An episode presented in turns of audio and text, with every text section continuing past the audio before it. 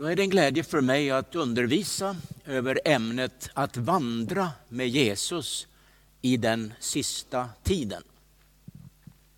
Jag har lagt märke till att det nu eh, pågår en debatt eh, om eh, miljöförstöring. Och det finns extrema krafter som menar att vi står nu inför världens och jordens undergång. Och det finns folk som är väldigt rädda för det, att nu kommer hela världen att bara förintas så småningom. Men det där stämmer inte med Bibeln. Därför att när vi talar om den sista tiden så är det inte den sista existensen utan det är den här världsordningen som råder nu, den här tidsåldern ska jag säga, som råder nu, som går mot sitt slut och sen bryter en ny tidsålder in. Och den nya tidsåldern den kallas i Bibeln för tusenårsriket. Det blir en lång period, Eh, tusen år, eller om man ska se det eh, utifrån ett apokalyptiskt eh, en, en, förståelse mm, så betyder tusen i, i, i det avseendet en mycket lång tid. Men det kan säkert vara, och jag tror det är tusen år precis, men det kan också betyda en mycket lång period, mycket lång tid. Men i alla fall så blir det då fred på jorden. Det blir en underbar tid på jorden. Och då säger Jesus att världen ska födas på nytt. Det blir alltså inte bara enskilda människor som blir födda på nytt, utan själva skapelsen blir född på nytt. Och Bibeln talar, eh, Paulus skriver om det i, i Romarbrevet 8, att skapelsen vånd, har en vånda över att den är begränsad idag på grund av synden och, och destruktionen. Men eh, den längtar efter Guds barns underbara förlossning. Så det kommer att ske någonting underbart så att eh, vi som är, vandrar med Jesus i den sista tiden, vi behöver inte vara förtvivlade och komma med i den där dysterheten att nu är allt slut och nu är det bara att vänta på död och förintelse med alltihop. Utan Jesus kommer tillbaka. Och Det är detta som är det storslagna med att vandra med honom i den sista tiden. Det är att göra den vandringen under högsta beredskap. För när han kommer ska han återupprätta hela skapelsen och själv sätta sig på kung Davids tron som då blir återupprättad i staden Jerusalem. Som i någon slags mening blir världens huvudstad. Och då pratar vi inte politik och, och, och, och sådana dumheter utan då talar vi Guds rike som kommer med fred och rättvisa. Och det står att därifrån ska Jesus sträcka ut fredens spira över hela världen. Och det blir en underbar tid och det kommer att märkas i skapelsen, kommer att ge mycket större skördar och flera skördar varje år. Mm, och det, det blir ingen brist i vår värld då, när Jesus tar över. Men samtidigt så förstår jag av texten att det blir en, en födelsekamp där när det ska födas på nytt. Precis som när en kvinna ska föda sitt barn så är det under smärta, det gör ont, det är förfärligt.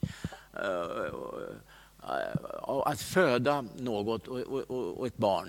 Och så blir det också här. Det blir, en, eh, det blir en svår tid just innan själva födelsen av det som Jesus ska åstadkomma när han kommer. Och Det kallar teologerna, och eh, jag finner stöd för det i Bibeln, för vedermöda. Och ordet vedermöda det är ju något som gör ont, något som är svårt, något som är väldigt jobbigt. Eh, och eh, den ska vara sju år, säger Bibeln. Eh, det, det finns i, hos profeten Daniel, för det är en årsvecka ska den pågå. Och en vecka det är ju sju dagar och under årsvecka då är det sju år. Men samtidigt märker jag av skrifterna att den där sjuårsperioden delas in i två delar med tre och ett halvt år på varje. Och kanske jag också kan förstå av vissa texter att den sista delen blir förkortad. För annars skulle inget kött överleva. Så svår blir födslovärkarna, ondskan, svårigheten, lidandet. Mm, och jag kan inte fördjupa mig i det, för jag tycker inte att jag begriper det. Men jag, jag förstår att så kommer det att bli. Men vi ska, behöver inte spekulera i det. Men det blir en svår tid och en ond tid verkligen. Och eh, nu, nu är det på det sättet att hoppet om Jesu återkomst, det är hoppet om en ny värld. Om Guds rike som ska ta över helt och fullt. Eh, och eh, då är det underbart att i den här svåra tiden få vandra med Jesus under högsta beredskap. För jag tror av hela mitt hjärta, när jag läser Paulus till exempel, där han säger att eh, när, detta, när den tiden är inne, då ska ett makt bud höras, en överängels röst och en Guds basun och alla de som har dött i tron på Jesus, det vill säga de som under sin tid vandrade med honom, de som under sin levnad, om det är nyss eller för många år sedan, så ska de uppstå. Och tillsammans med de som då lever och vandrar med Jesus ska de ryckas upp i luften Herren till mötes och alltid vara hos honom. Det där är det där är något som många nu inte tror på längre eller man förnekar det eller försöker att liksom få bort det på något vis. Men det står fortfarande i den heliga skrift och jag väljer att tro på det. Det betyder att under vandringen med Jesus i den sista tiden så vandrar vi med honom under högsta beredskap. Och då harmonierar det med en gammaltestamentlig händelse. Nämligen när Israels barn efter flera hundra års slaveri i Egypten nu skulle frihetsklockan ringa. Och Gud sa, varje husfar bland dessa massor med folk, hebreer, judar som var slavar där. Nu, nu ska varje husfar ta ett årsgammalt felfritt lamm som inte, som inte är skadat eller, eller är, är, har någon, någon brist, utan det ska vara ett fint och bra och fullkomligt lamm. Så. Och man ska slakta det efter deras föreskrifter och regler. Och blodet skulle de stryka på dörrpost och dörrträ och inne i huset skulle man äta påskalammet. Och den natten när detta skedde skulle uppbrottsorden komma och de skulle nu lämna Egypten för att börja en vandring, en vandring till Kanans underbara land Landet som flöt av mjölk och honung står det och det är väl ett uttryck för att det finns övernog där och det var ett bra land de skulle komma till. När, eh, när de sitter där inne och äter så vanligtvis så, så fanns det ingen bland dessa som åt med skorna på inne, de tog man av. Man satt inte där med överrocken eller manteln på eller omjordad kring sina länder som det står. Det betyder att de hade, hade överrocken på sig. De var, de var klädda för vandringen. De hade vandringsskor på sig och så höll de i ena handen vandringsstaven. Det säger mig att de åt påskalammet som är en bild på Jesus och Jesu blod. De åt påskalammet under högsta beredskap.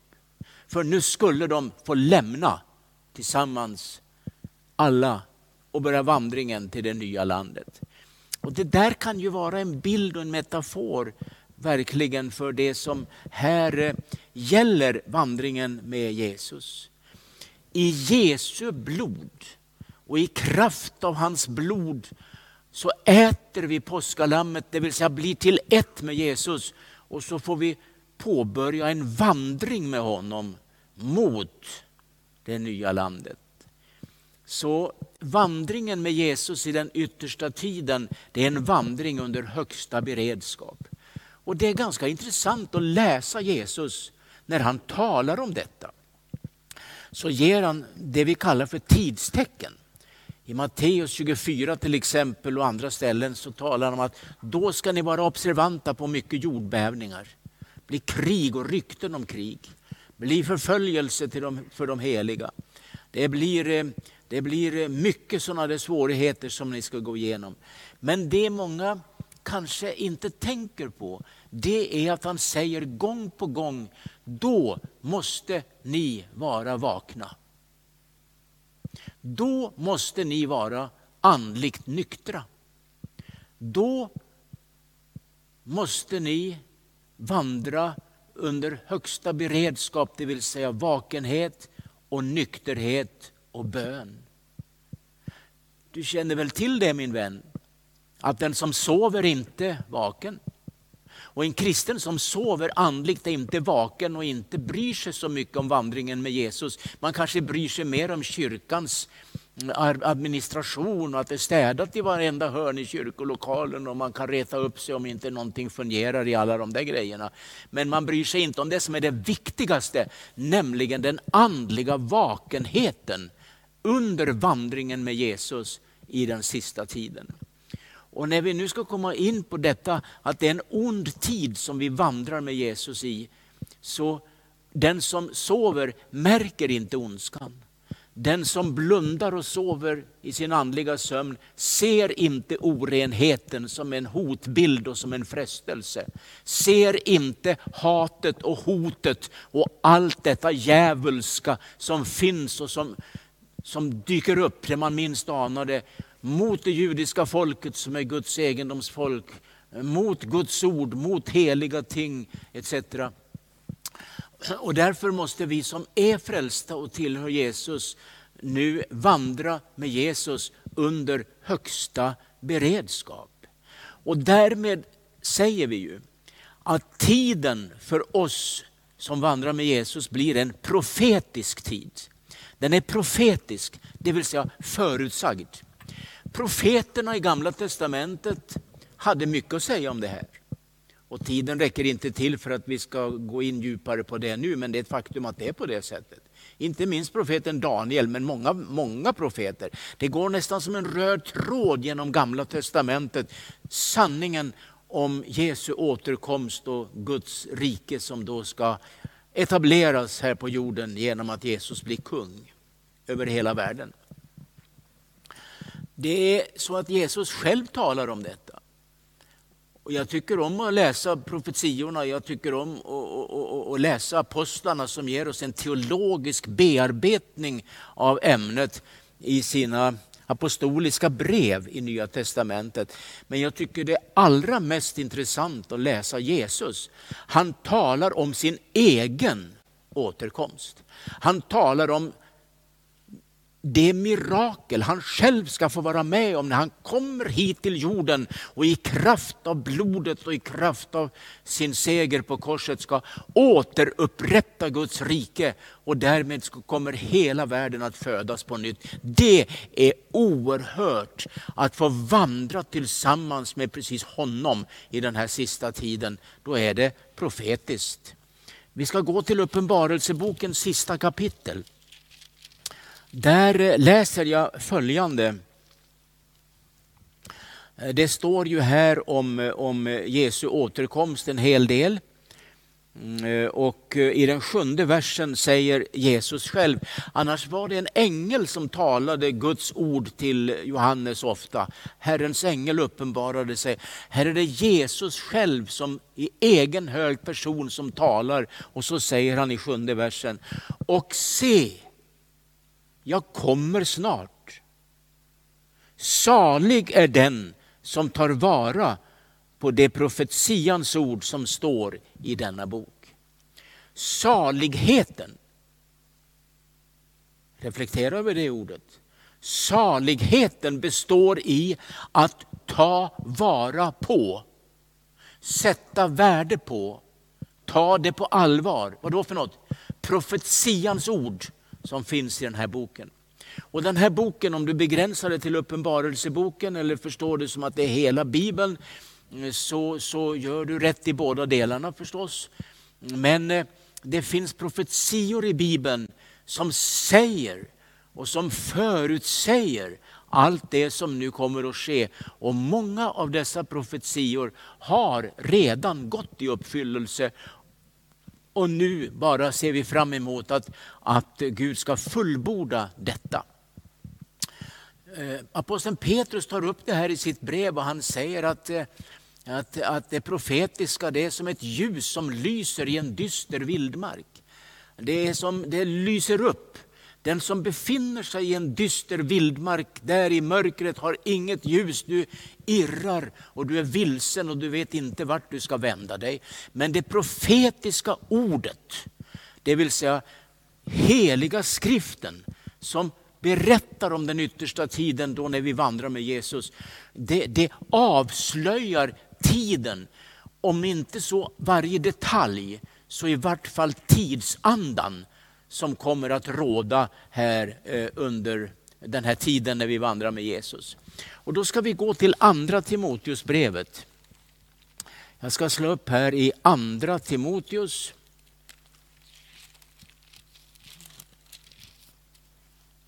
I det tredje kapitlet. Och jag läser från början i Jesu namn. Men det må du veta att i de yttersta dagarna svåra tider ska komma.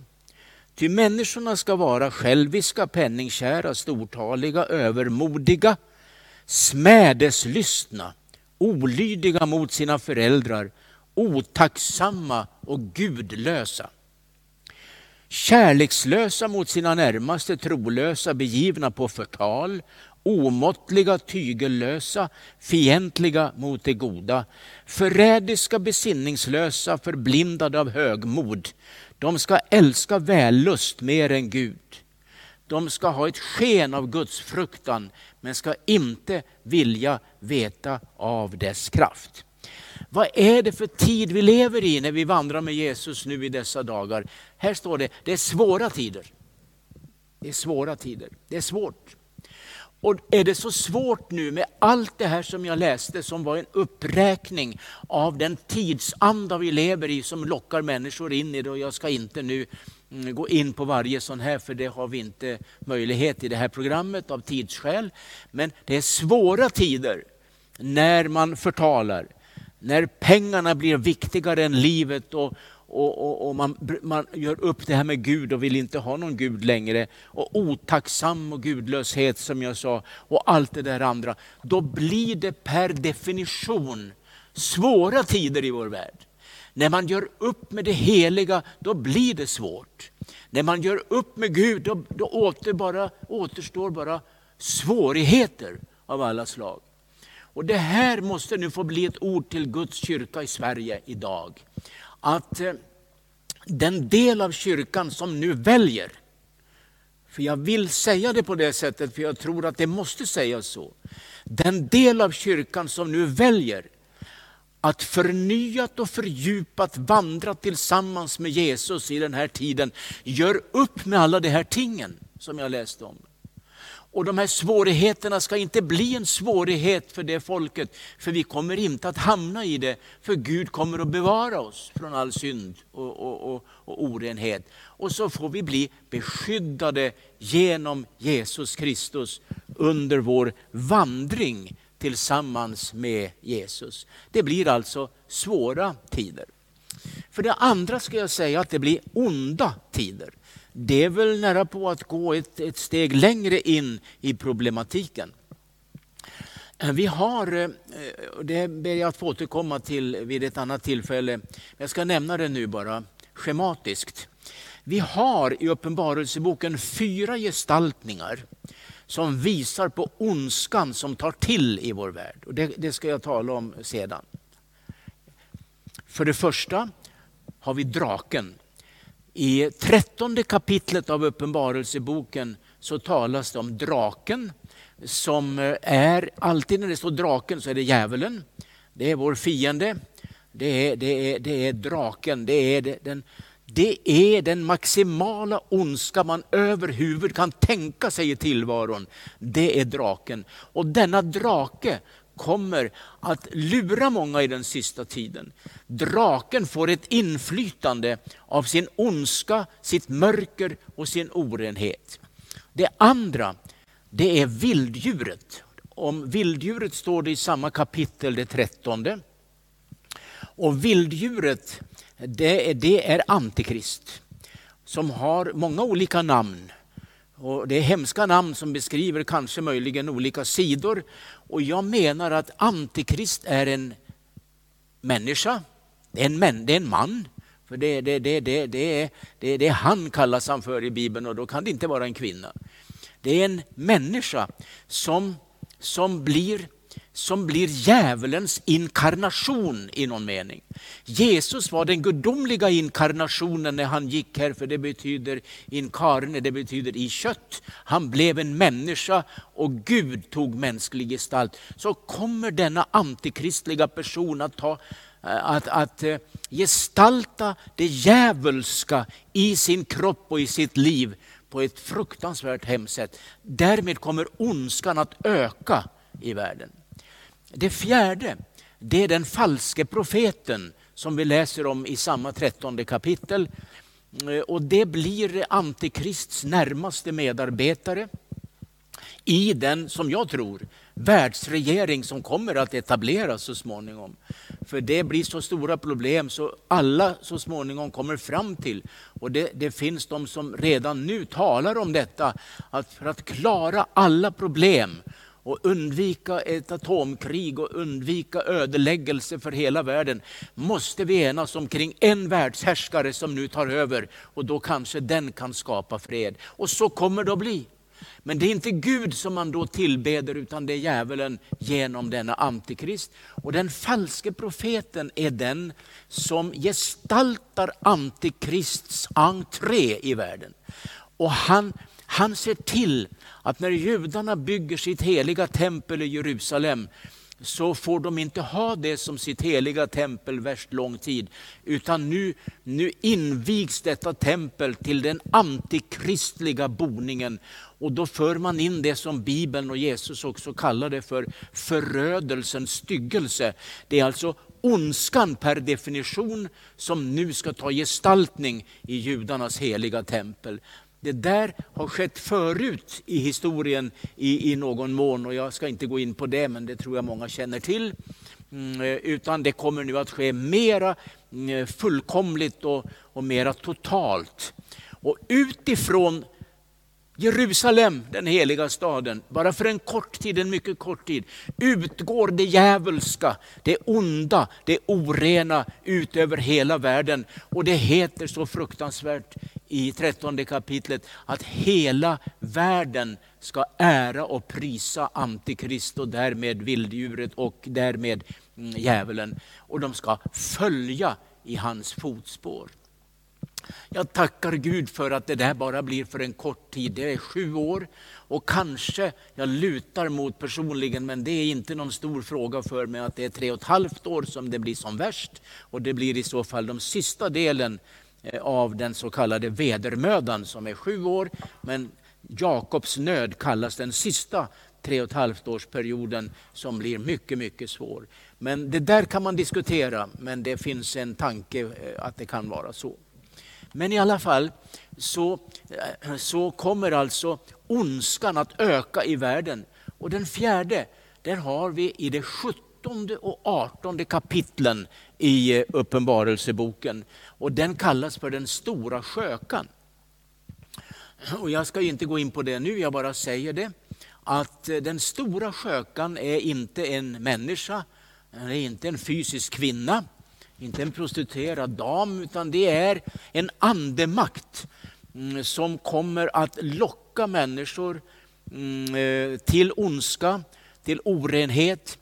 Och hon rider för en kort period vilddjuret som är antikrist. Det vill säga, hon får en auktoritet och makt över självaste antikrist. Hon rider vilddjuret och bestämmer vilddjurets destination. Och då håller hon en guldskål i sin ena hand. Och den var full av hennes otukt och skändligheter. Otukt, det är porneia i grundspråket. Och då, då kan du ju nästan förstå vad som menas med porneia. Jag behöver inte översätta det till pornografi eller liknande saker. Men det är alltså, det är alltså den ondska som griper in på alla livets område. Om jag får säga det rent ut så tror jag ju förstås att pornografin som under ett antal år nu har blivit ett gift som sprids ut över hela världen. Och genom den nya tekniken som är internet och även tv förstås, så är den så tillgänglig. Och det är fruktansvärt att säga detta, att unga pojkar och flickor mm, som nästan inte är uppe i tonåren än, de är barn, tvingas av kompisar och grupptryck att titta på sånt där. De borde få sin sexuella debut på ett mer rent och fint område än i den smutsen. I alla fall, när den andemakten kommer in och lockar sig in bland de som ska vandra med Jesus i den sista tiden, då avtar den auktoritet vi har av den renhet som ligger i Jesu Kristi blod. Och då måste vi ha en omvändelse. Och den som har drabbats av det pornografiska och varit inne i det och kanske också blivit bunden av det, så ska du veta min vän att det finns en frälsning. Det finns ett blod som renar från alla synder, även detta. Och det finns en upprättelse för dig som är så stark genom auktoriteten i Jesu namn. Så du blir fullständigt befriad och fullständigt upprättad och fullständigt hjälpt. För om du ska vandra nära Jesus i den sista tiden, då kan vi inte falla offer för ondskans och orenhetens attacker på något område, utan då måste vi be Gud om hjälp och nåd att kunna, eh, kunna bli bevarade. Jag ser också att det blir nödtider. Eh, det är den stora nöden, står det om i den sjunde kapitlets eh, fjortonde vers och jag ska inte ta upp. De kommer från den stora nöden, de som kommer från vedermödan. Och, och jag tror att det är en beskrivning av martyrerna som kommer för att ingen pånyttfödd kan överleva de åren. Det kommer att bli väldigt svårt. De kommer ur den stora nöden. Det blir en nödens tid. Det är en svår tid, ond tid, en oren tid och nödtid. Och det är en tid som präglas av hädelse och kärlekslöshet. Tänk att där i trettonde kapitlet står det om detta vilddjur som kommer att prägla denna korta period. Att han, han var identifierad med hädelsen och han hade till och med hädiska namn. Och nu vandrar vi med Jesus i en tid då hädelsen kommer att öka. Man kommer att häda det judiska, man kommer att häda synagogor, man hädar kyrkor, man hädar Gud. Man, man gör allt för att smutskasta det som har, mm, som har någonting med Guds helighet att göra. Men vi behöver inte vara rädda för detta, för vi vandrar med Jesus i den här sista tiden. Och då vandrar vi med segraren över alla dessa orena, onda och hädiska tider. Och då då kommer vi att bli segervinnare för den perioden. Och vi kommer att bli segervinnare också för evigt. Och Jesus han ställde frågan i sitt tal eh, i Matteus 24. Det är talet, eh, hans eskatologiska tal brukar man kalla det för. Han talar om sin återkomst. Skall väl kärleken, eller han påstår det faktiskt, att kärleken ska kallna hos de flesta. Det blir alltså en kärlekslöshetens tid. Och att Guds kyrka och Guds församling, vad det nu är för samfund och för slags fromhetsriktning, jag bryr mig inte om det för tillfället, utan Guds stora kyrka av alla troende som vill vandra med Jesus, där måste kärleken öka. Kärleken från Gud måste gestaltas genom Jesu blod. För när kärlekslösheten kommer in i heliga rum, då är det den antikristliga närvaron som tassar in på det heliga området. För kärlekslöshet har ingenting i Guds kyrka att göra. Den måste bannlysas där. Den har inte där att göra, för den har med antikristliga intressen att göra. Men i Guds hus, då älskar vi varandra. Det var det man sa om de första kristna. Se hur de älskar varandra. Och med de orden avslutar jag den här undervisningen och önskar dig Guds rika välsignelse. Och glöm inte nu att du är beskyddad genom Jesu blod när du väljer att vandra nära Jesus så beskyddar han dig från all orenhet och all ondska. Amen.